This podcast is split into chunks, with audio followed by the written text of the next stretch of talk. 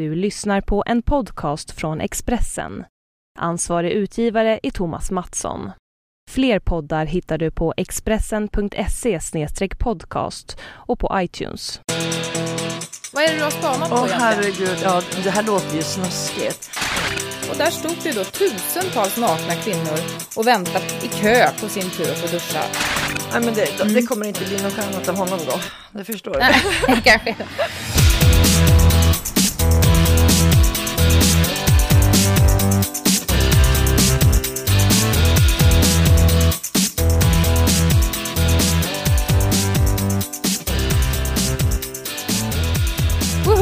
Dags igen för Anna och Pam om sport och sånt och vi har kommit fram till avsnitt eh, nummer 12. Välkomna säger vi till alla er lyssnare. Ja, hej! Jag hoppas att ni ligger på en strand och gör situps eller ute i eh, och springer efter strandkanten eller gör någonting annat hurtigt och eh, nyttigt och så lyssnar ni på oss samtidigt så får ni lite extra pepp.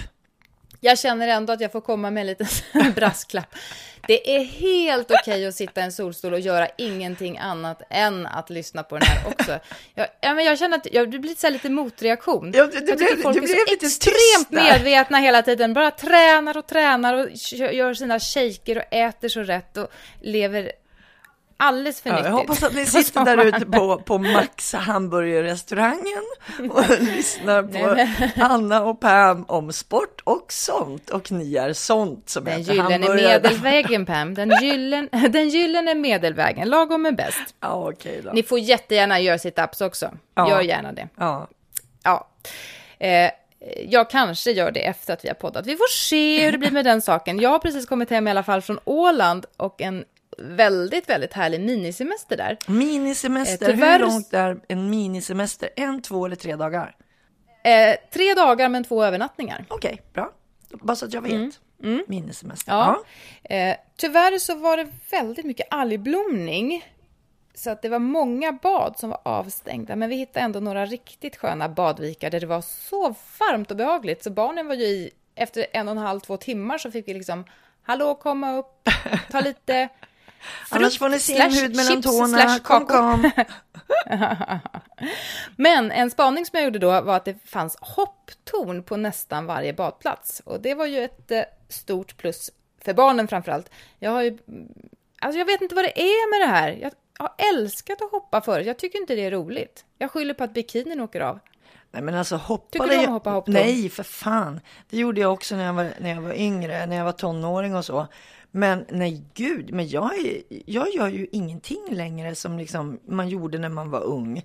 Jag, vet, jag skyller på liksom det åldriga förfallet. Man inte orkar. Ja, men jag blir arg på mig själv. Ja, men... Det ser ju så kul ut. Alltså de, de sprudlar av liv och skratt och den här frihetskänslan som säger, står uppe på femman och spanar ut och bara woho! Ja. Men Och jag, jag känner liksom ju. att jag har ju gjort jag det att det- där. Så det spelar inte så stor roll. Jag Ja. vet hur det känns liksom. Det pirrar i magen som fan när man hoppar ner och sen så skvätter det. Och, och Men det är ju härligt att ha pirr i magen för tusan. Varför tycker jag inte det då? Nej, nej men du vet, jag, men jag, Ja, men jag, tycker det här hela- komma så långt under vatten känner jag. Jag tycker inte om det. Det blir alldeles mörkt och alldeles långt under vatten. Nej, men jag Innan man känner, kommer upp, liksom. Ja, nej, men jag känner så här, var sak har sin tid. Och min tid just nu, det är ju inte att hoppa från femmans trampolin liksom. Det har jag gjort. Det är att ligga och göra sit-ups och lyssna Ja, på podd. ja, precis. Eller gå med stavar i, sta- i sandkanten liksom. Nej, men lite så är det. Men jag tycker att det är jättehäftigt när man ser det. Man blir så himla glad när man ser barn. För det, det här skräck, skräckblandade förtjust-skratten som gör att man blir så varm Ja. i hjärtat tycker jag när man hör. För man vet själv, Ja. been there, done that, som vi säger. Sen vet jag också vad du gör när du ligger där och inte gör sit-ups och, och lyssnar på barnskratt. Det är att du spanar på andra kvinnor. Och nu, veckans... Spaning 1. Varsågod Pam. Vad är det du har spanat på Åh egentligen? herregud, ja det här låter ju snuskigt. Men faktum är att liksom under de här sommarveckorna nu, så när man har varit ute, man har varit ner på badstranden och man, liksom, man ser att folk börjar klä av sig, eh, de har klarat av sig väldigt mycket för vi har ju rekordvarmt i Sverige. Men då ser man ju då kropparna på ett annat sätt. Och det jag eh, upptäckte efter liksom att ha eh, suttit några dagar på, på stranden, det är liksom att stark är det nya smala. För jag tycker, Ja, mig, ja, jag tycker mig märka, jag menar smalt är ju liksom ändå det här alltså att många vill vara smala. Men jag tycker att det mer och mer har gått till att bara vara smal, till att faktiskt vara stark. Man, man tittar på de här kvinnorna Mm. som går på och bär sina barn och de är ute och simmar eller bara ligger. Så ser man fan, det är, de är ju muskulösa. Och det tycker jag är så fantastiskt. För det betyder ju att jag menar stark, det är det man ska vara. Det här smala idealet som vi har haft i så många år. Det är ju egentligen skit. Du kan ju vara hur smal som helst men din, din kropp kan bestå av egentligen rent fett som inte alls är bra i längden. Men att vara stark, det vill säga jobba med sin kropp, det är ju det som gör att man får liksom en, en bättre hälsa, en bättre hållning, eh, man står pall mycket bättre för, för till exempel eh, olika uppgifter man har på jobbet, man, man orkar bättre när man kommer tillbaka för att man orkar sitta liksom, eller stå eller vad man nu jobbar med eh, på ett helt annat sätt. Så jag tycker det känns så fantastiskt. Vi kommer att ha vi, vi liksom svenska kvinnor, vi, vi ser ut som Terminator-damen. Jag kommer inte ihåg vad hon heter. Linda någonting, vad heter hon? Hamilton. Kommer ni ihåg den filmen? Mm, just Ja, det. men alltså de går där och tänker så här, Kristin Kaspersen såg jag till exempel. Och hon har jättesnygga armmuskler. Inte så här som man känner. Fast hon lägger, Nej, men hon, man, tänk, man hon tänker inte... otroligt mycket tid på det också. Ja. Det är ju men du nästan vet, henne, nej, men- det är ju hela hennes liv Ja, med, tänk, med tänk och träning. då liksom att, att ha den styrkan utan att det ser liksom felbiffigt ut, utan bara snygg, slimad, muskulös. Jag tycker det är helt fantastiskt och man ser ju också det bara man tittar liksom ut på, på röda mattan i Hollywood eller vad som helst. Jag tänkte på det redan i våras då när man såg kändisarna gå till Oscargalan eller Golden Globe, att de ser faktiskt muskulösa ut. Jag tycker det är så, så bra och så är det väldigt, väldigt snyggt. Mm, det är jättesnyggt. Men som sagt, det är ju inte gratis utan ligger fruktansvärt mycket timmar av träning bakom. Ja, men jag menar det är ju en bra, alltså träning är ju ändå en bra tid att spendera ingenting på menar jag. Eller hur? Absolut. Mm. Absolut. Eh, Så det var min jag vet spaning. inte om vi ska... Har du sett? Det tycker jag var en bra spaning. Ja. Stark, det nya smala. Och dessutom så om man kan ju ut bada mycket längre också om man inte är så himla smal. Ja, nej men grejen Menar är jag. så Man här. fryser ju inte lika lätt. Om man tittar också på vilka, tidigare var det bara till exempel män som gick på crossfit-pass och, och sådär. Eh, eller cirkelträning och, men det har kommit mer och mer kvinnor som just tycker om det här att känna att man har en stark, frisk kropp som lyder en. Så att om man kollar ut i parkerna nu, det här military training och sånt, enormt Mm, mycket kvin- kvinnor. Enormt mycket kvinnor. Jag tycker det är jättebra. Heja Eh. oss kvinnor för att vi sköter om våra kroppar och inte tänker smal utan tänker stark. Det är skitbra. Ja. Heja oss. ja, men det var ju...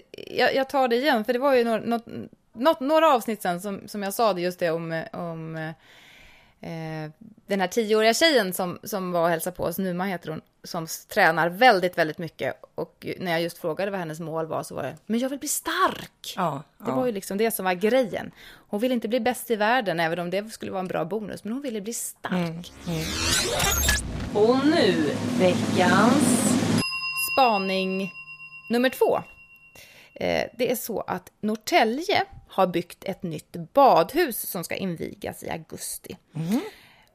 Ett jättefint badhus med vattenrutschkanor och simbassänger och, och allt sånt. Men det som eh, jag fick upp ögonen för tyckte var lite... Jag fick en sån här... Jaha, åh, det kanske finns fler badhus som har så här. Men jag eh, hade inte hört talas om det förut. De har nämligen byggt tre omklädningsrum. Ett för herrar, ett för damer och ett neutralt. För att inte någon ska känna sig exkluderad att kunna gå på badhus.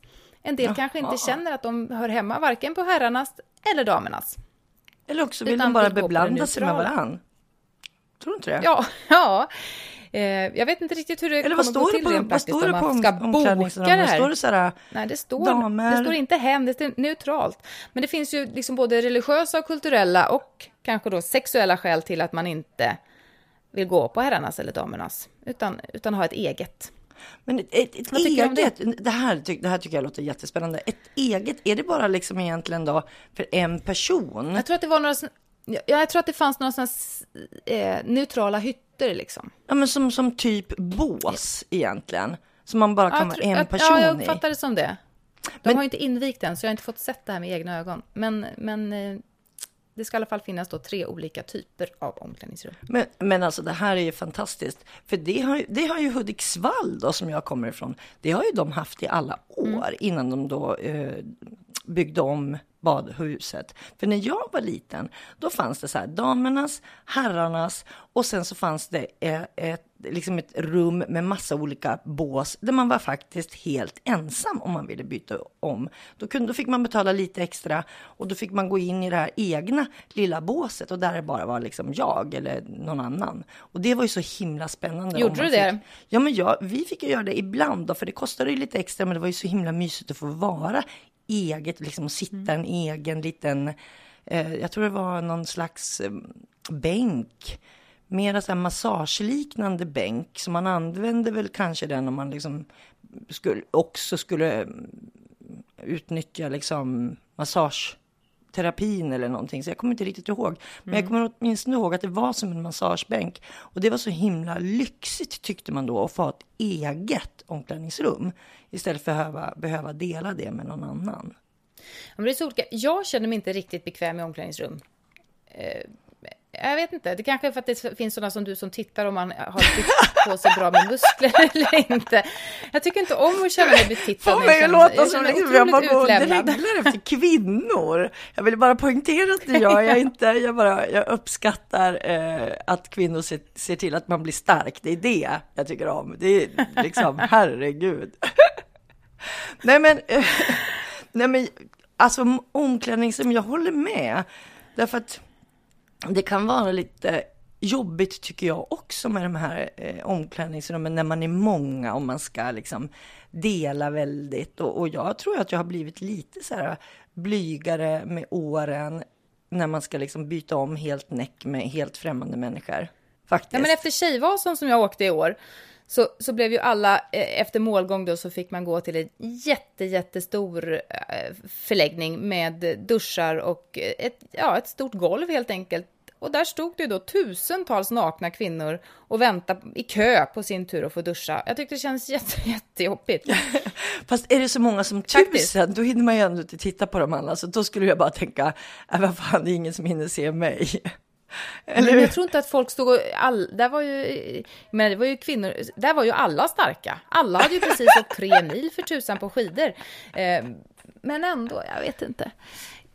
Jag, Eh, jag, Men jag tycker i alla fall, jag tycker tanken att ingen ska behöva känna sig exkluderad. Om det är så att man tycker att det är obehagligt eller olustigt av olika skäl, om det då är som sagt religiöst eller kulturellt eller sexuellt betingat, så ska, det ändå, ska man ändå kunna eh, gå på badhus. Det var min spaning. ja, men Även om det då absolut. har funnits i, i I Hudik. eh, Hudiksvall Vi är så jävla tidiga där, år. vet du. Ja, vi är så tidiga. Mm. Nej, men jag tycker det var det, naturligtvis. Och då, då är min fråga till dig är, kommer du att använda det här liksom eh, neutrala omklädningsrummet då, eller kommer du gå på Nej, damernas? det kommer jag ändå inte göra. Jag Nej, kommer du kom- gå, eftersom jag förmodligen kommer gå på badhuset tillsammans med mina barn, så kommer vi att sitta där nakna tillsammans Ja, ja. på bänkarna och hänga upp våra kläder i Och vara avundsjuka på de som får gå på det där i mitten. Mm. Ja, ja, jag förstår det. Men, men just det där med, med eh, omklädningsrum, jag tycker vi ska prata lite mer om det. För att jag var, eh, i juni så var jag till New York och då var jag och tränade på ett gym.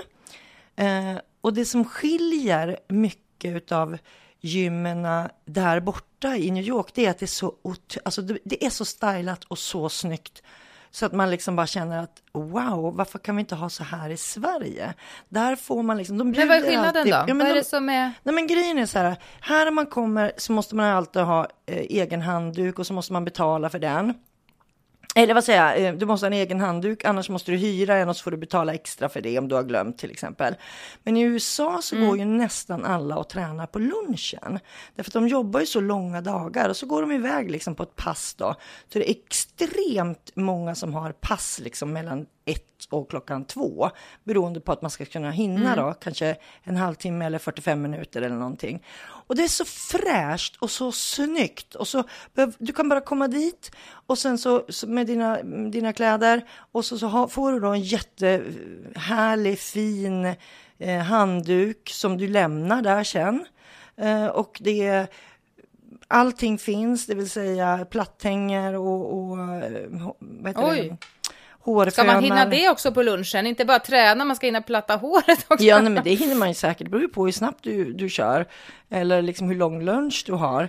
Nej, men det, allting sånt där finns. Och jag tycker liksom att det är fler som borde ta efter det. Det enda gym som jag känner till i det finns två gym som jag känner till i Stockholm som, som har riktigt fräscha omklädningsrum. Och det är Rosa Skrot. Det är ett gym på Söder som bara eh, är för kvinnor. Det är extremt trevligt att gå på. Det är liksom Mm. fina färger, eh, helt uppbyggt på att man ska ha en bra och härlig upplevelse även i omklädningsrummet. Det finns liksom allt ifrån parfymer och lån. Jag, tycker, åh, jag gillar just den där eh, att man blir lite pimpad eh, känslan efter att man har tränat. Och sen så är det ju Balance, prins Daniels för detta gym som också är väldigt eh, flådigt och snyggt och, och man får liksom lite extra för pengarna. Men, men jag tycker att det borde vara liksom självklart, för man vill ju inte gå omkring sen då med en blöt handduk i handväskan eller en st- jättestor träningsbag när det egentligen inte behövs. Tycker jag. Jag har ju inte varit på gym på hur länge som helst. Jag är ingen riktig, tror jag då, jag kanske, ska, jag kanske är det nu eftersom jag inte har gett en chans. Jag tror Mm. inte att jag är någon riktig gymtjej. Jag tycker bättre om att eh, köra lite sit-ups på, på egen hand. Ja, men grejen är med gym nu att det är ju... hantlar och gummiband. Ja, men det är ju inte bara gym. mm, Därför alltså, att min, det, alltså på gym idag så är ju alla klasserna.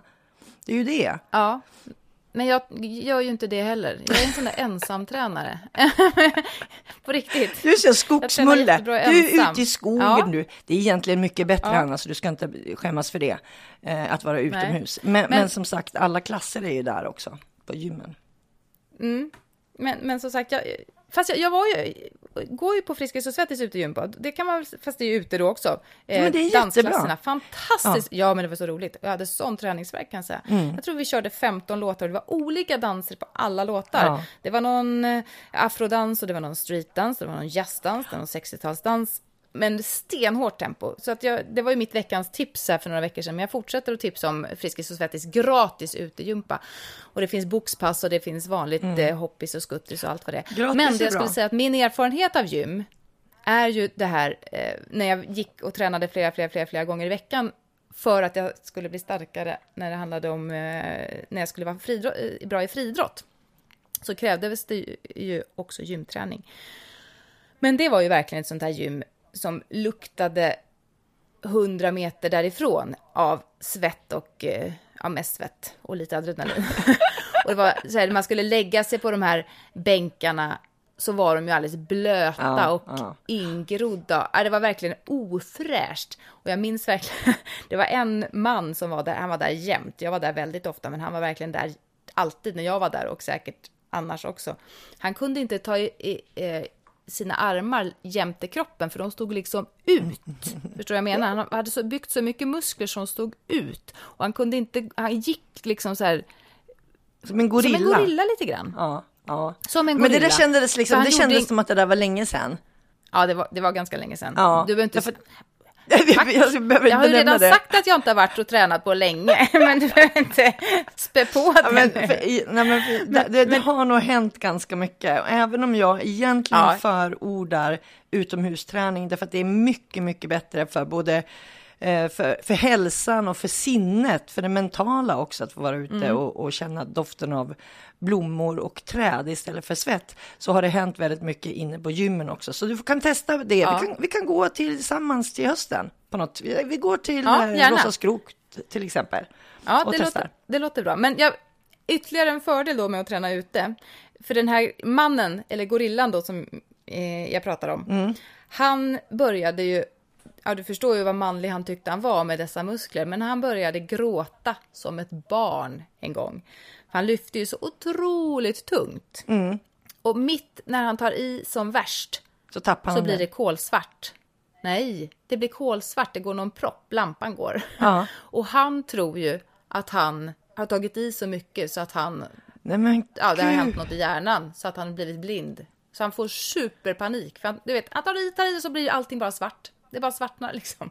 Ja, fy fan vilken hemsk känsla. Du skrattar du. Gud vilken hemsk Nej, men, känsla. ja, nej det, ja, men såklart att det var jättehemskt. Men du måste ju se dig, honom fram. Han var ju där jämt, jämt. Och du hade retat upp dig liksom, lite grann på honom. Och plötsligt Ja. så gråter han som ett barn för att det Ja. blir mörkt i Ja, rummet. jag, ty- jag tycker att jag, jag, jag kan förstå hans känsla faktiskt. Så att jag Ja, men det är klart att jag gör. honom. Det är klart att jag gör. Mm. Han- jag lider också med honom så här i efterhand. Men, men det 10 var li, lite, lite roligt var det också. lite, lite roligt var det också. Okej, det var Men, rätt. eh, ska vi gå tillbaka till Åland? Ja, bara för att du har varit Ja. där. Men jag tycker det. Nej, men jag vill gå tillbaka och berätta lite mer om Åland. Ja, vi gör det. Eh, det blev nämligen lite av minnenas television i mitt huvud nu när vi var där. För att jag har nämligen varit väldigt mycket i Mariehamn på träningsläger när jag tränade friidrott. Och då kommer du säga, det låter som det var väldigt länge sedan. Ja, det var väldigt länge sedan. men, men det är fina minnen. Eh, och eh, då dök det plötsligt upp ett ord som jag inte har använt sedan dess, nämligen lufta. Alltid på träningsläger så sov vi nämligen i skolsalar på luftmadrass. Och det var ju, ja, man luftade varandras madrasser. Ja, man drog ut Lufta. proppen mitt i natten. Ja, man kunde göra det innan också när alla skulle till och sova. Så var det någon som la sig och så fick man blupp, hopp, låg på golvet. Eh, och, och det var lite roligt att få det där lufta, just det. Det fanns ju ett uttryck som hette så. Jag minns en, eh, det var faktiskt jättehemskt, det var inför en SM tror jag. Till och med inför sådana stora tävlingar så låg vi och sov på luftmadrasser. Och Och så luftade var det en varandra. som hade fått sin madrass luftad. Ja. Och upptäcker det för sent, för hon hade väl varit och gjort något. Så att då skulle det vara mörkt och släckt och alla skulle sova. Och hon upp, och började försöka pumpa sig med sån här fotboll. Psh, psh. Varpå några på pinchi bara tyst! Så hör man ingenting på någon minut, så lite försiktigt. Psh, psh, tyst! Så hon fick nog sova på den där platta madrassen. Men, men, men grejen är att det där lever ju kvar att man sover i, i, eh, på luftmadrass. Men luftmadrasserna idag, det är ju jättestora sängar nästan. Jag köpte nu när min son var på Leksands eh, sommarhockeyläger. Eh, Då, då, den här gången då så, skulle, så sov han inte över där. Därför att vi, vi har ju sommarhus ganska nära så att han fick åka iväg. Men de andra barnen, eller många av de andra, de sov ju då i, i skolsalen. Han luftade dem först, sen drog han. Ja, precis. Nej, Sen mamma, han här vill jag inte, här vill jag inte sov sova. Nej, men då, och då är ju luftmadrasserna, eh, alltså det är ju liksom en halv meter höga. För det har han ju haft med sig på, på andra turneringar då, som att han kan ha sovit på dem. Och alltså du sover ju faktiskt riktigt bra. Du, och det är ju sån här Mm. elpump, man bara stoppar in dem i väggen och så bara shht, på en minut så är Det de var liksom inte bättre van- förr. Nej, det, var mycket, det är mycket bättre nu. Ja, och de är lite tyngre då förstås att bära, men du sover ju fantastiskt bra på en sån. Så det är lite annorlunda faktiskt. Men förutom att träna massor Mm. av pass om dagen, jag tror vi hade en morgonjogg och sen frukost och sen eh, träning och sen lunch och sen träning och sen minigolf. Vi spelade alltid, alltid minigolf. Och nu veckans... Spaning 3. Det är att minigolf inte verkar heta minigolf längre utan äventyrsgolf. För nu såg jag både Ja, när vi skulle ta färjan över i Grisslehamn så stod det stort äventyrsgolf och jag spanade på de banorna. Jättefina. Jag ska komma till det sen. Och sen är, även i Mariehamn, äventyrsgolf och lika sådär otroligt fina banor. Så jag var tvungen att gå in och söka på det här såklart. Och eh, det kommer mer och mer och mer att det är inte de här klassiska, ni ser framför er, de här rektanglarna och så är det lite hinder på vägen och ett hål och så är det inramat liksom för att bollen inte ska åka Ja, över ja, kanten. jag ser precis framför mig.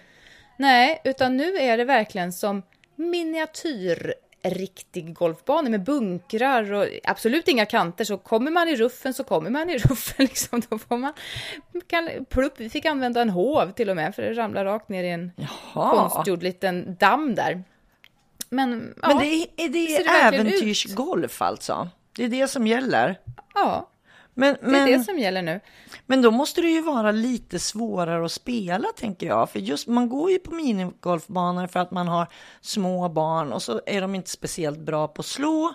Och då har man de här stängslen som gör liksom att det blir, ändå blir lite ordning och reda. Och om man då tar bort de här stängslen med liksom gallrarna eller... Då får man liksom, ta fram hoven och leta i, leta i dammen.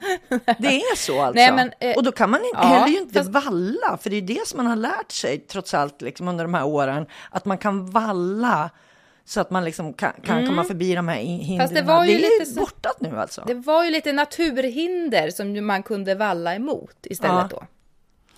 Åh fan, men Jo, blir det inte kaos då? Liksom, som- så här äventyrskaos?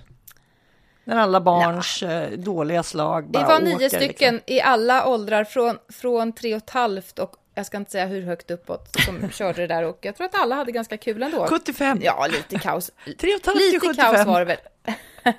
lite kaos var det kanske, men, men, eh, ja, men de flesta som spelar tycker ju faktiskt att det är roligt med min. Det är ett typiskt härligt semesternöje Ja, tycker men det jag, som enda alla gången. kan vara med i ändå. Ja, en gång per år eller två gånger högst Mm. spelar man eh, minigolf och det gör man på semestern.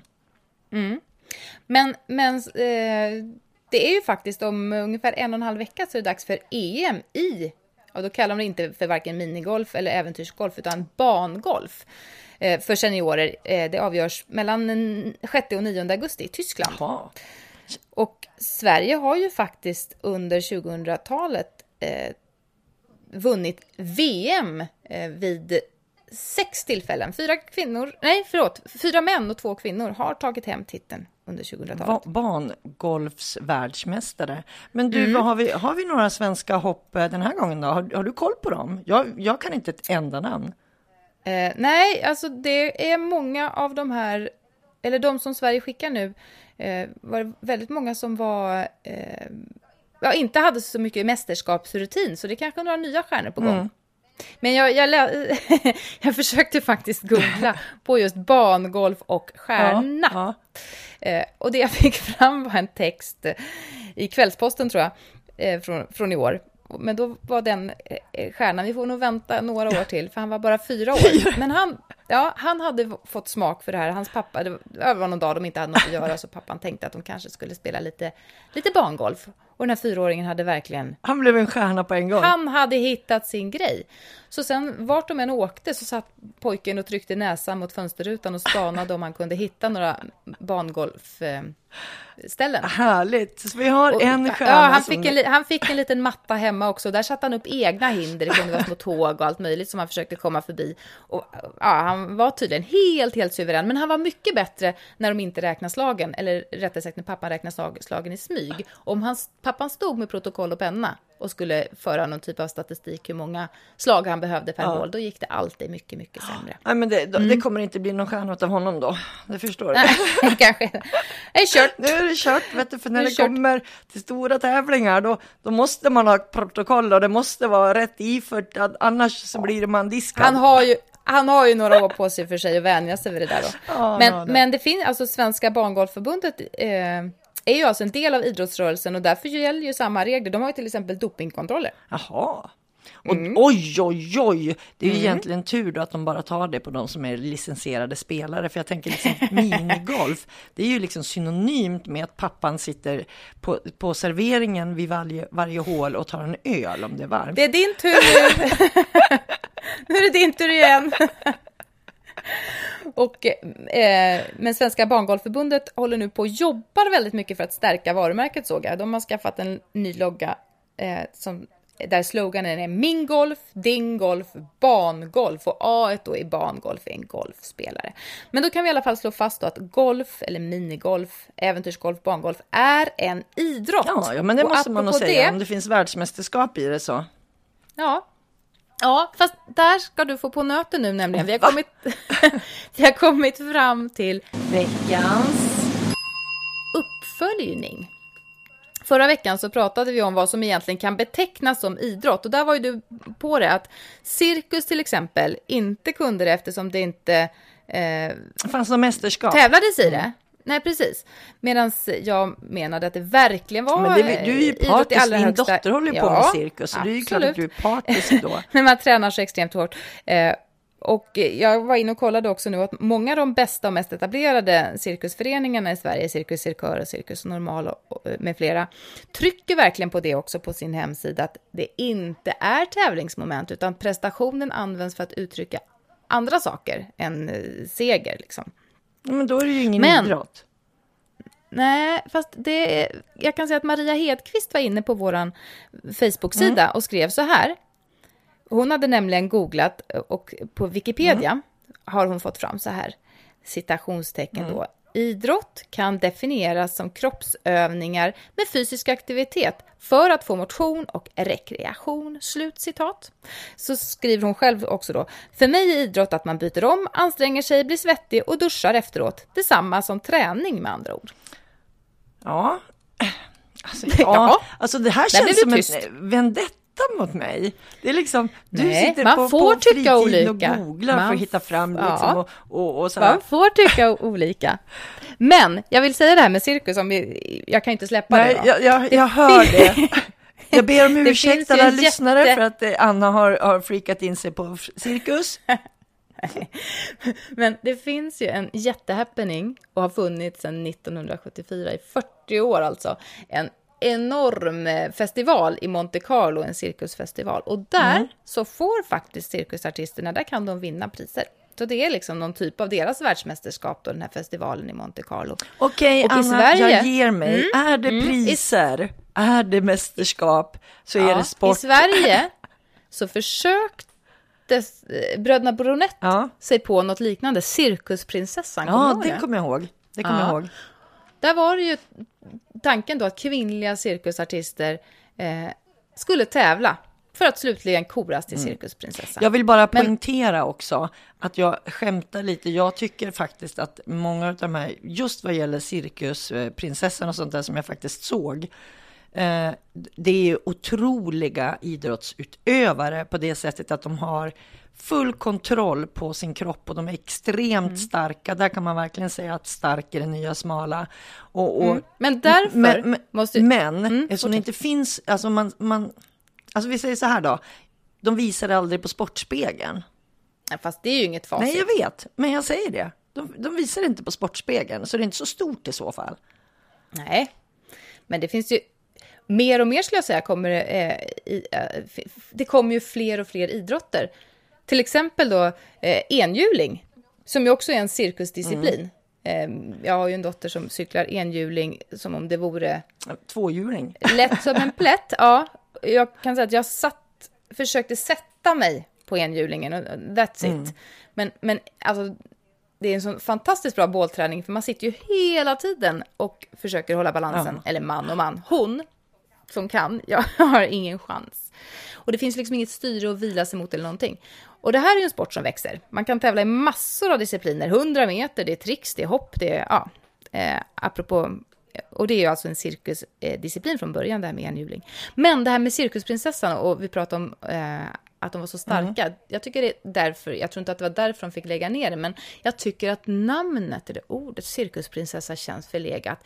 Det kanske bara är min hjärna, men en cirkusprinsessa associerar jag inte med en stark eh, eh, kvinna. Utan det, då är liksom lite nutti-nutti-plutt och lite tyll. Men, men eh, min dotter Lova och hennes cirkuskompisar, de är ju verkligen otroligt starka samtidigt som de är väldigt graciösa i sina rörelser och sådär. Men absolut inte prinsesslika så som jag ser det. Men gud vad, vad spännande, för att jag ser, alltså jag tycker själva ordet cirkusprinsessa, då ser jag eh, inte någon tjej i tyll, utan jag ser, och det förmodligen så är jag påverkad utav de här bilderna som var då när de körde, för det var ju verkligen starka, liksom, eh, kvinnor som inte alls såg ut mm, som har liksom långklänningar och, och massa tyll. Så för mig... Och det är den bilden jag har av en cirkusakrobat ja, oavsett nej, kön. Men, men, men cirkusprinsessa nej. för mig är inte... Ja. Nej, men jag, jag ser inte något tyll i cirkusprinsessa, utan jag ser en stark kvinna som, som gör fantastiska saker så bra så att hon är liksom nästan bäst. Så då är hon mm, liksom så här hög i rang, om man säger så. Ja. Jag ser det mer som att man är hög i rang om man är en prinsessa. Och det är väl så som bröderna Brunett hade tänkt ja, sig också, får så man jag, jag um, håller med då, Brunett. Vad bra. Ja. Eh, vi var faktiskt på cirkus för eh, någon vecka sedan bara. Gud, var... Och då reagerade just min dotter eftersom hon ser att det är det livet hon vill leva så småningom. Men hon tyckte att det var extremt orättvist att det bara var cirkusdirektören som hade en snygg vagn som var guld och allting. Han som inte gjorde något annat än att stå och vara tjock och presentera vilka som skulle komma. Det kommer nog att förändras när hon växer upp, ska du se. Det är så mycket annat som har förändrats. Då får cirkusprinsessan ja, precis. den finaste. Jajamensan, det är de som får det finaste. Och finaste hästarna får de också. Mm. Fast, fast nu är det ju...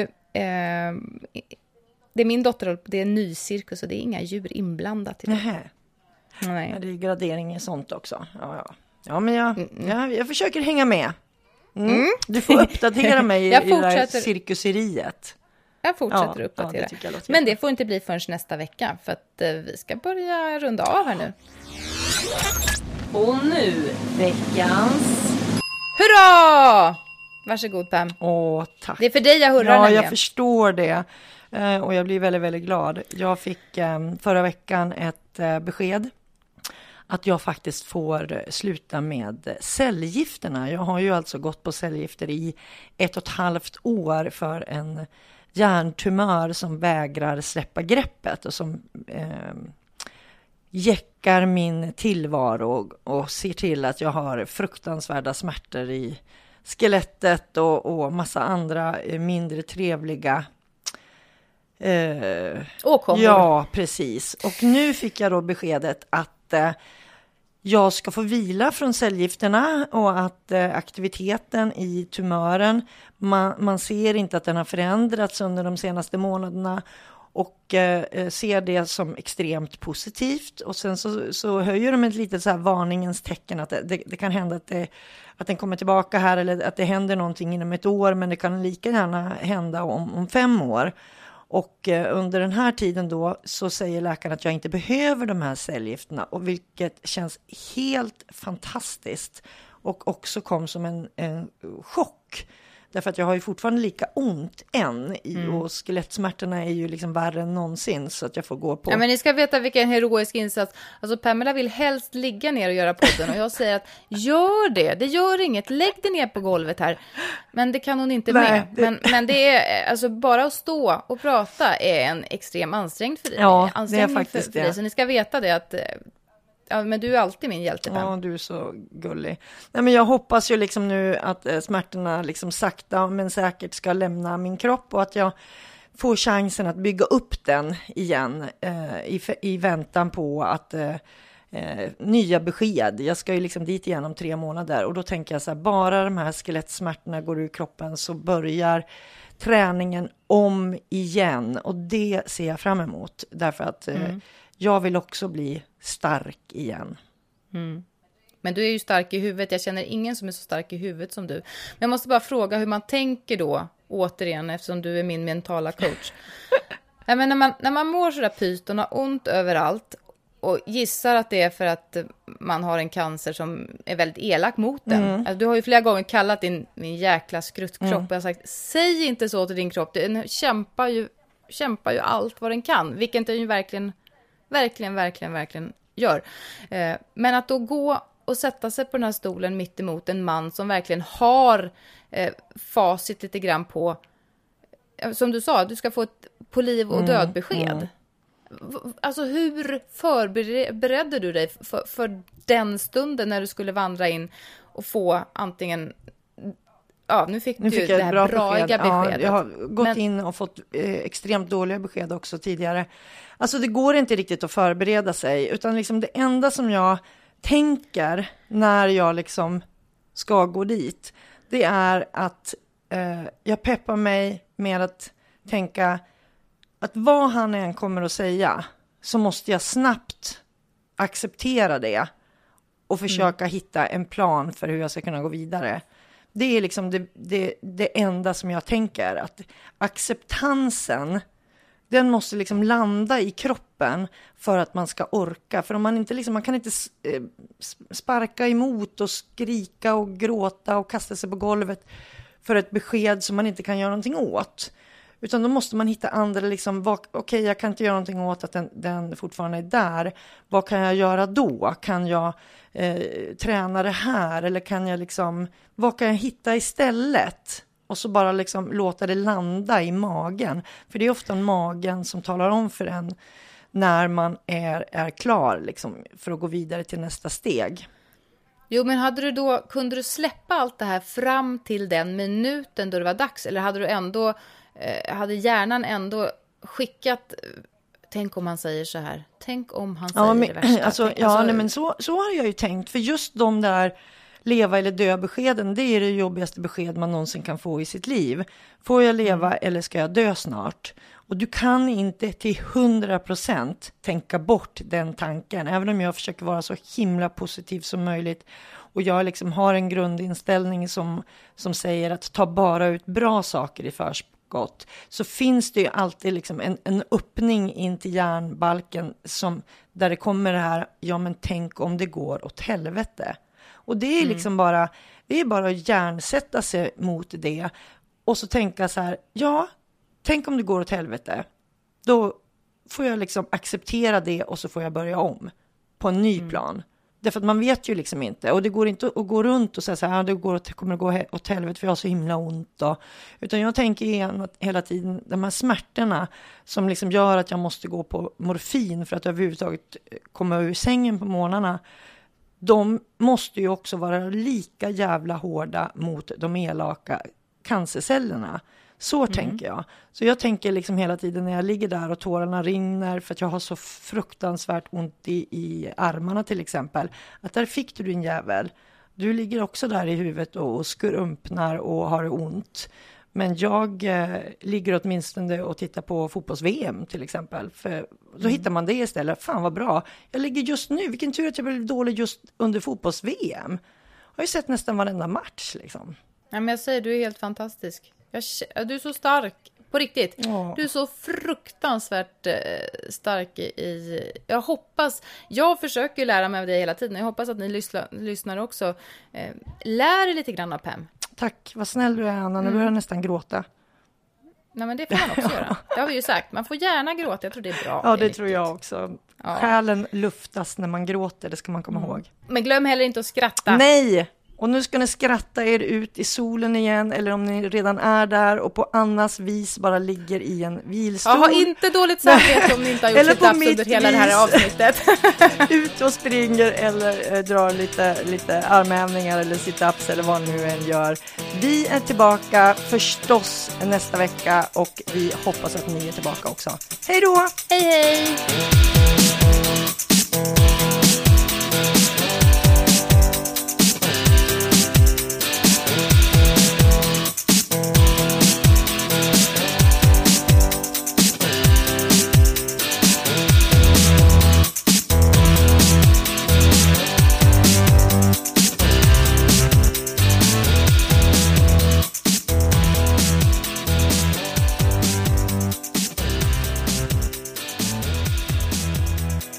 Du har lyssnat på en podcast från Expressen. Ansvarig utgivare är Thomas Mattsson. Fler poddar hittar du på expressen.se podcast och på iTunes.